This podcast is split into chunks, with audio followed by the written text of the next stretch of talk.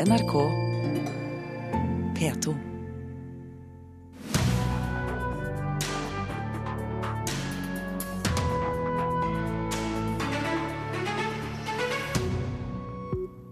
Du har ingen rettigheter når du kjøper spill, film eller lydbøker på nett. På høy tid med lover nå, mener Forbrukerombudet.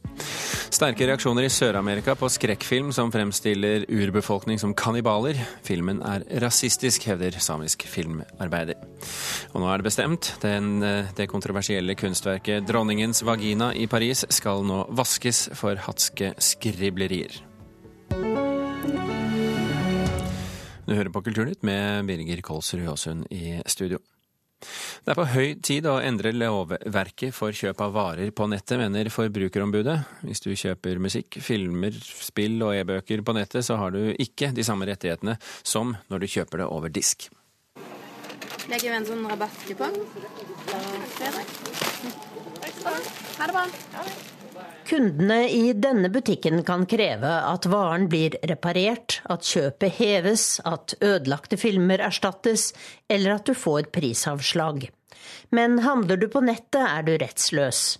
I filmbutikken er dette ukjent for de fleste. Det har jeg liksom ikke tenkt på, men det er jo sikkert fint å være klar over, da. For det blir jo mer og mer på nett. Det er dumt om at rettigheter skal forsvinne bare fordi det er online. Forbrukerombudet mener at det er på høy tid at forbrukeren på nettet får samme rettigheter som de som kjøper filmene, musikken eller lydbøkene i butikken. I dag så finnes det ikke noe regelverk som gir forbrukere rettigheter ved digitale kjøp. og Det gjør jo at eh, det er fare for at det kan eh, bli eh, problemer og diskusjon hvis det, hvis det er mangler og feil ved ting du kjøper. Så, så det syns vi er viktig at, at kommer på plass sier juridisk direktør i Forbrukerombudet Frode Elton Haug. Det er mer enn ti år siden Forbrukerombudet påpekte at forbrukerkjøpsloven også burde gjelde for kjøp på nettet, men lite har skjedd.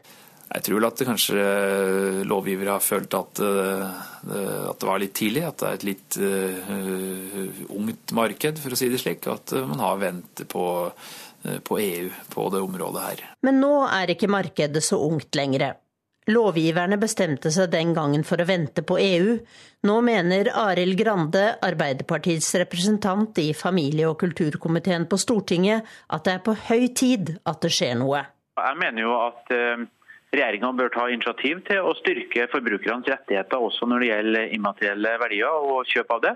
Eh, og Vi håper at det kommer et initiativ derfra, sånn at Norge kan ta en lederrolle for det. her. Det er gode grunner til å tro at vi kan få til et bredt flertall på Stortinget eh, men vi avventer nok utspill fra eh, regjeringa og kommer til å stille spørsmål til statsråden eh, om det.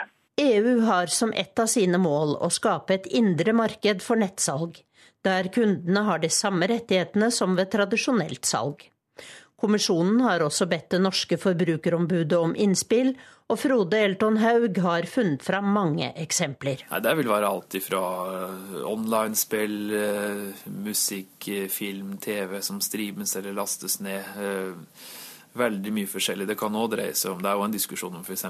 sosiale medier, skylagringstjenester og den type ting òg skal omfattes av et slikt regelverk.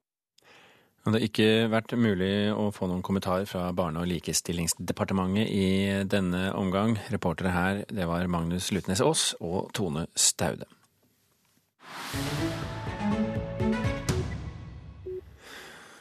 Urfolksorganisasjoner og miljøvernorganisasjoner i Nord- og Sør-Amerika kjemper nå mot skrekkfilmen The Green Inferno. Filmen handler om en gruppe amerikanske ungdommer som er på reise i Peru, blir tatt til fange av en fremmed urfolkning og, som det viser seg, er grusomme og sadistiske kannibaler. Filmen er rasistisk, mener den samiske filmskaperen Silja Zombie. Fire.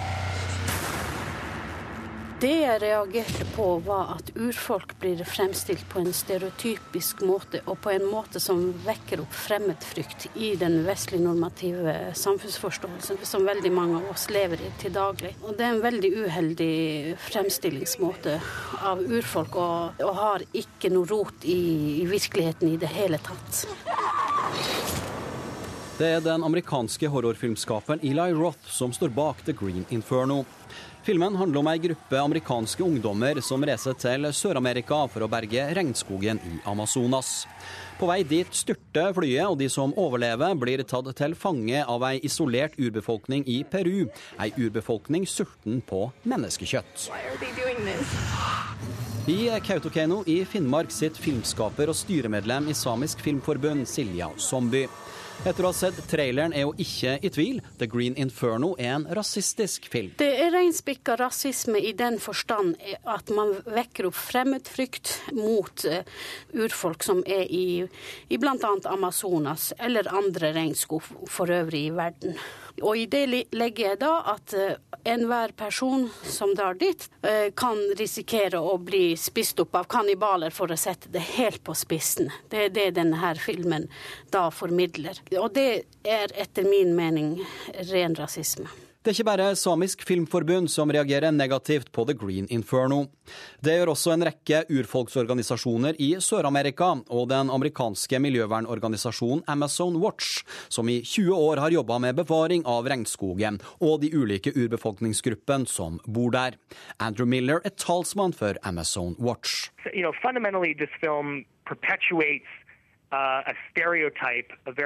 Filmen opprettholder stereotypien av urfolk som primitive og usiviliserte mennesker, ei fremstilling som i århundrer har blitt brukt for å rettferdiggjøre kolonisering, imperialisme og folkemord, mener Andrew Miller.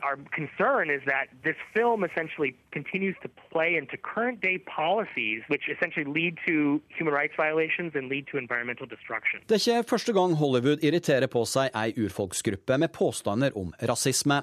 Senest i vår ble det bråk da Adam Sandler spilte inn westernkomedien Ridiculous Six i New Mexico i USA.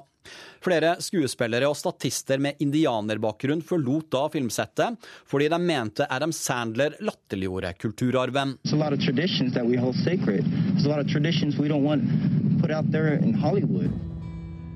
Verken Eli Roth eller produksjonsselskapet BH Tilt har så langt svart på NRKs henvendelser. Men i et intervju med Business Insider i fjor avviste regissøren alle beskyldninger.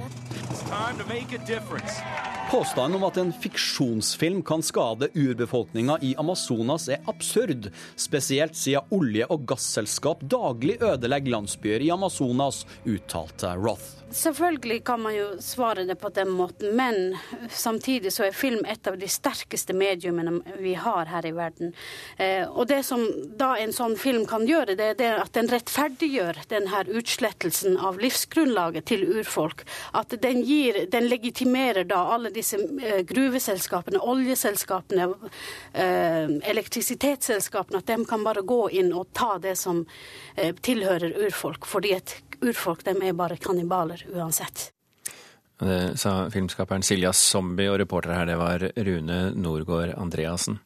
Sigurd Vik, filmmedarbeider i NRK Filmpolitiet, velkommen til oss. Takk for det. Hvilket ansvar har filmskapere som f.eks. Eli Roth eh, når urbefolkning fremstilles på film? Jeg tenker sånn På generelt grunnlag så har vel filmskaperen først og fremst et ansvar for filmen. Eh, men når det er sagt, så, og jeg, og jeg tror sånn sensur mot fiksjonsfilm er vel ingen, eh, ingen god vei å gå. Men når det er sagt, så, så har uh, fiksjonsfilmen uh, vist gang på gang at de ikke har vært sånn veldig gode på, på å, å, vise fram urbefolkning på en god måte. Det er jo et begrep i Hollywood som heter Hollywood Indian, blant annet, som er på en måte en reaksjon på hvordan indianere, eller da Native Americans ble framstilt i westernfilmer i Hollywood uh, i, i hinne hårde dager på 30-tallet oppover, så, så, det er klart her er det en historie med eh, lite fintfølende uh, framstillinger fra, fra fiksjonsfilmens side, så jeg skjønner jo at folk er, var på det også. Ja, Da har jo selvfølgelig ikke vi fått sett denne filmen, for den har ikke kommet hit ennå. Men hvilke andre eksempler finnes i filmhistorien på at urbefolkning fremstilles på stereotypiske måter? Den starta tidlig kan jo ta en av de mest kjente tidlige dokumentarfilmene, og da er man jo inne på, på en grein altså Hvis det er historisk film eller dokumentarfilm, så kan man jo begynne å snakke om ansvar, men Nanook of the North fra starten av 20-tallet, hvor uh, inuittene uh, ble filma av Robert Flaherty, der er det jo annet scener der uh, Nanook, som han da kalles i filmen, sitter og tygger på en vinylplate eller en grammofonplate og er utrolig begeistra over å få lov til å høre på, på grammofonmusikken. En scene som både kan sies å være veldig romantiserende og stereotypisk i forhold til uh, villskap møte uh, sivilisasjon. Uh, det er noe én ting. Og det andre er vel at det sies også at han var fullstendig klar over hva en grammofon var, men for filmen sin del så var det gunstig at han da framsto som uvitende i møte med den her merkelige oppfinnelsen. Så, så, det starta der. Og så er det jo selvfølgelig eh, en hel rekke eh, Hollywood-filmer. og Senest nå da med, med Johnny Depp uh, i The Lone Ranger, hvor det kom kritikk, kritikk mot at en ikke-indianer skulle spille, eller en ikke-native american skulle spille en native american. Og det var Adam Sandler-filmen her som ble snakka om. Så det er mange kritikker. og Det var til og med kritikk. Uh, hvis man finkjemmer nettet litt i, i, forhold til Frozen, denne Disney-animasjonsfilmen, og uh, det som folk kritiserer som whitewashing fra Disney, hvor Disney lager alle ansiktene sånn cirka ganske like og fjerner alle trekk. Og her var det da faktisk ikke kritikk fra Norge, så vidt jeg har fått med, men det var noen som mente at uh, Kristoff, eh, hovedpersonen, så veldig lite samisk ut mm. Eh, i forhold til hvordan han burde ha sett ut. Men det her er jo, eh, altså internett er jo full av kritikk, så man vil jo alltid finne noen som kritiserer andre. Men ja. Men hvis vi snur på det, da? Hvilke eksempler finnes på det motsatte? Altså at filmskapere får ros for måten befolkningen fremstilles på? Det er jo heldigvis masse gode eksempler der også. Jeg vil jo trekke fram Deadman, en film også med Johnny Depp, som Jim Jarmers laga i 95, hvis jeg husker riktig, som handler om en, en, en reisefilm i, i Eh, frontier-landskapet i USA, hvor industrien har begynt å komme. og Her er det til og med inside jokes på ulike dialekter av uh, urbefolkningsspråk, som da kun er ment på uh, de som behersker språket, og som da tar vitsen. Uh, og, men det handler jo om, om, respekt der, og det er mange filmer. altså Searchers, en westernfilm fra 50-tallet, fikk jo i sin tid ros for å være forholdsvis god, men og betalt sine skuespillere og sånne ting, som var et problem da. Men altså, alt er jo relativt der, så det har jo vært mange overtramp. Men sånn i, I, det store og det hele så er det jo øh, selvfølgelig sånn at øh, mm. jeg synes fiksjonsfilm skal man ikke sensurere eller legge seg borti hvordan lages så altfor mye, men øh, så vil jo da heldigvis publikum og andre dømme produktet, og eventuelt la være å konsumere produktet. Så det tror er jo noen du, sånne mekanismer. Tror du vi får sjanse til å dømme dette produktet, altså filmen The Green Inferno, her på norske kinoer? Om noen kommer på norske kinoer, skal ikke jeg si bastant, men at vi får muligheten til å se den, eller at vi i Norge får muligheten til å se den, er jeg ganske sikker på. Det er jo en film som stirrer seg inn i en kannibalfilmtradisjon her her, som har røtter på 70-tallet og et stort horrorpublikum, så det er nok en del som er interessert i den også. Sigurd Vik, takk for at du var med oss på Morgenkvisten. Så kan vi jo i denne sammenheng ta med eh, reklamefilmen for Visit Finland, som tidligere i uken ble trukket tilbake fordi samer i Finland mente filmen var krenkende. Filmen viste mennesker i uekte kofter og med sot i ansiktet som danset rundt bålet mens de spilte trommer. Visit Finland har nå offisielt bedt om unnskyldning, melder Yle. Klokken har passert kvart over åtte, du hører på Kulturnytt, og dette er toppsakene i Nyhetsmorgen nå. Torbjørn Jagland slår tilbake mot påstander i Geir Lundestads bok. Nobelsekretæren skjønte ikke sin egen rolle, sier Jagland. Åtte av ti foreldre er svært fornøyde med hjelpen de får fra barnevernet. En rekke tiltak i hjemmene gjør at problemene ofte løser seg før barna må settes i fosterhjem. Og boliglånsrenten for de beste kundene kan snart komme ned på ett-tallet, mener eksperter. I dag blir det klart om Norges Bank endrer styringsrenten. For 100 år siden ble det født en liten gutt som skulle vise seg å være årsaken til norgeshistoriens største litterære rettsprosess for å ha beskrevet handlinger tilsvarende de som lå til grunn for at han i det hele tatt ble gutt, for så vidt. Eh, vi snakker om Agnar Mykle. Hans beskrivelser av seksuelle handlinger, hans 100-årsjubileum og jubileumsutstillingen. Og direktør ved Nasjonalbiblioteket, Aslak Sira Myhre, velkommen til Kulturnytt. Jo, tusen takk for det. Den røde rubin, erotiske overtredelser i norsk litteratur, heter utstillingen. Eh, hva er det dere vil fremme med denne her? Er det litteraturen til Mykle, eller er det rettssaken mot ham? Begge deler. Uh, rettssaken mot Mykle er et viktig punkt både i norsk litteraturhistorie og på mange måter i norsk erotisk eller politisk historie. Det er ganske eksepsjonelt. Forfatteren Mykle blir sett for retten for å ha skrevet om sex, om er erotikk, rett og slett. Uh, det skjer, to ting, da. Det ene er at det er en lengre prosess kulminerer, hvor man har over lang tid fra om du kan si, moral, moralens vokteres hold, enten de er ansatt i staten eller i aviser eller andre plasser, har reagert på det som kalles en skitten strøm i litteraturen. Altså fra 30-tallet og utover. Det, det er blitt for mye sex, rett og slett. Eh, og så blir Mykle satt på, på, på, tiltalebenken. Det i seg selv er interessant, for det er en skjønnlitterær forfatter som tar med de like sinte på cocktail eh, og, og, Alle menn og den type blader, men det er altså Mykle som blir tatt. Det andre er at forfatterskapet til Agnar Mykle det kulminerer på mange måter med denne rettssalen. Eh, han gir ut boka Rubicon etterpå, men det er en av de største norske forfatterne i eh, etterkrigstida som da blir stilt for retten. Boka blir enormt lest, kjent, skandaløs. De fleste i Norge har i dag lest den, men samtidig så dør forfatterskapet. Og det vi tar opp i utstillingen, er på en måte både Mykles forfatterskap, rettssaken og rettsprosessen mot Mykle, men òg historien til utuktig eller litteratur i Norge. Altså forbudet, kampen mot eller friheten til å skrive utyktig litteratur. Men, eh, og stille ut litteratur må jo ha visse problemer ved seg rent utstillingsmessig. Hvordan gjør dere det? Hvordan ser det ut på Nasjonalbiblioteket? Noen av oss syns jo det å gå og se på bøker i monter er veldig kjekt. Og... Ja, men ikke så mange. Nei, så vi prøver å nå litt flere enn meg, for å si det sånn. Ja. Nei, det er en fantastisk utstilling hvor eh, designerne våre og forskningsbibliotekarene våre har jobbet sammen om å lage en fasttelling som estetisk sett nærmest ser ut som en rubin, og hvor det gamle manuset til sangen om den røde rubinen ligger i midten, med påtegnelsene for redaktørene og kommentarene og det hele, og hvor du kan da både følge tekst og bilder og objekter rundt, og fortellinger rundt ikke bare Mykle, men rundt òg da eh, overtredelser i litteraturen. Så det er en eh, estetisk opplevelse i eh, rødt å gå ned og se på det, og det er òg en, en, gjennomgående fortelling, ikke som sagt ikke bare Mykle, men òg om norsk litteratur litteratur og politisk historie. Du, du forsvarer jo eh, for så vidt godt uh, dette med, med uh, rettssaken og, og, den, men, men, i dag, når vi leser 'Lasso rundt fru Luna' eller, eller, sangen om den røde rubin, så er det jo ikke det erotiske som fremstår. det er vel mer den litterære verdien som, som er viktig? Altså, jeg tror du kan spørre, Kom litt an på hva tid du leser den. Når du leser den som 15-åring, så tror jeg kanskje fortsatt at det skandaløse er trekket. Når du leser den som voksen så er det en helt annen roman. ikke sant? Altså Da er denne her sexen er liksom bagatellmessig, ja ja. Og litt sånn veldig poetiske. Mm. Flott skrevet. Men det er en, dette er jo en Eh, ikke, altså Hvis du tenker Lass rundt for Luna, sånn første oppvekstskildringen og sangen om Røde Rubin, liksom modenhets coming of age-roman, så er jo dette sånn klassisk ung mann på søken etter mening med livet, kjærlighet, nærhet. Eh, men òg et portrett av tida rett før andre verdenskrig. Det syns jeg er noe av det slående i dag. Og det er noe av det våre forskningsbibliotekarer Trond Haugen og Audun, Audun Aasbø har tematisert. Dette er et portrett av Bergen og Norge i 38-39, rett før andre verdenskrig. Det fins få sånne skildringer om hvordan det slår inn krigen i ferd ferd med å slå inn i studentmiljøet i Bergen på den tida. Og det er ting som var helt dødt for meg første gang jeg leste det, men som jeg leser det nå, gjør boka interessante. Altså, det er uh, klokken ett i dag. Du skal uh, ikle deg dine vakre uh, pontifikalier og ønske kronprinsessen velkommen.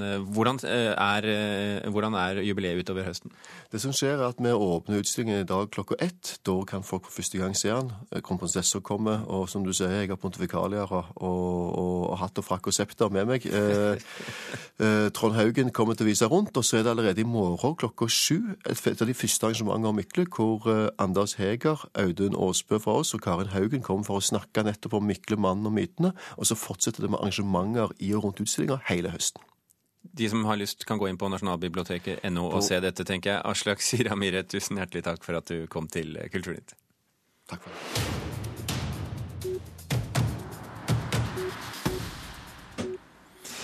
Den svenske filmen Min lille søster har vært på diverse festivaler i Norge og andre land, og den har vunnet priser som rager høyt, og i morgen har den premiere på norske kino. Den handler om anoreksi, blant annet, men det er ikke det som er hovedsaken for vår anmelder Einar Gullvåg Staalesen. Det er søsterskapet og disse to livfulle jenteansiktene.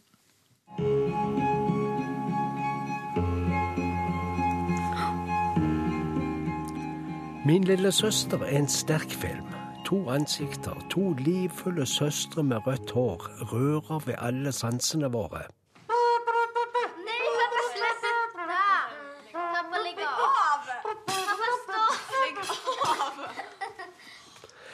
Stella er ti eller elleve. Hun er lubben, og foreldrene lar henne spise sin chips og drikke sin brus. Stella vil ellers være som storesøster.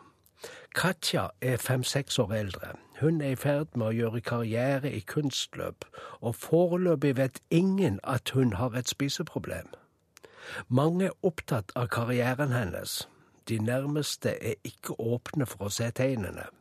Katja ser ikke problemet selv heller, eller hun vil ikke se det. Det er ikke bra å spise så mye når man trener konståkning. Det er vel bra å spise mye om man trener? Ikke med konståkning. Ikke med konståkning. Du er tråkig du har blitt. Det angår oss. Ingen er likegyldig til hvordan livet skal utvikle seg for de to jentene. De møter oss med øynene fulle av følelser. Glede, lidelse, isolasjon, søken kjærlighet. Ansiktene, de kommer stadig tettere på oss.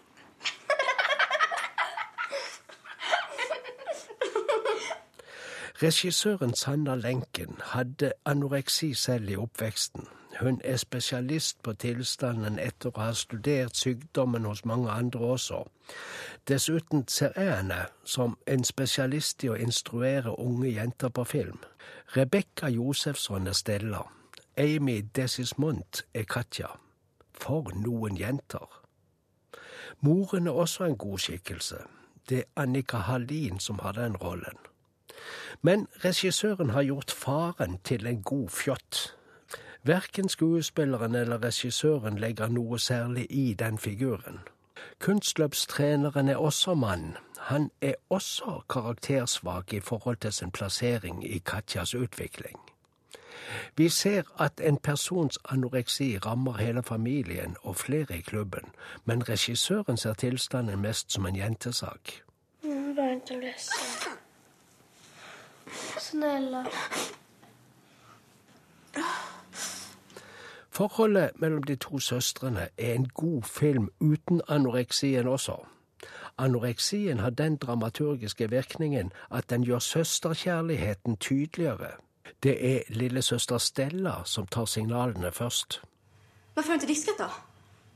For jeg visste det du som anvendte den her. Mm. Og den her også. Du har anvendt denne skålen også, hva? Mm. Og de her skjedene har du anvendt.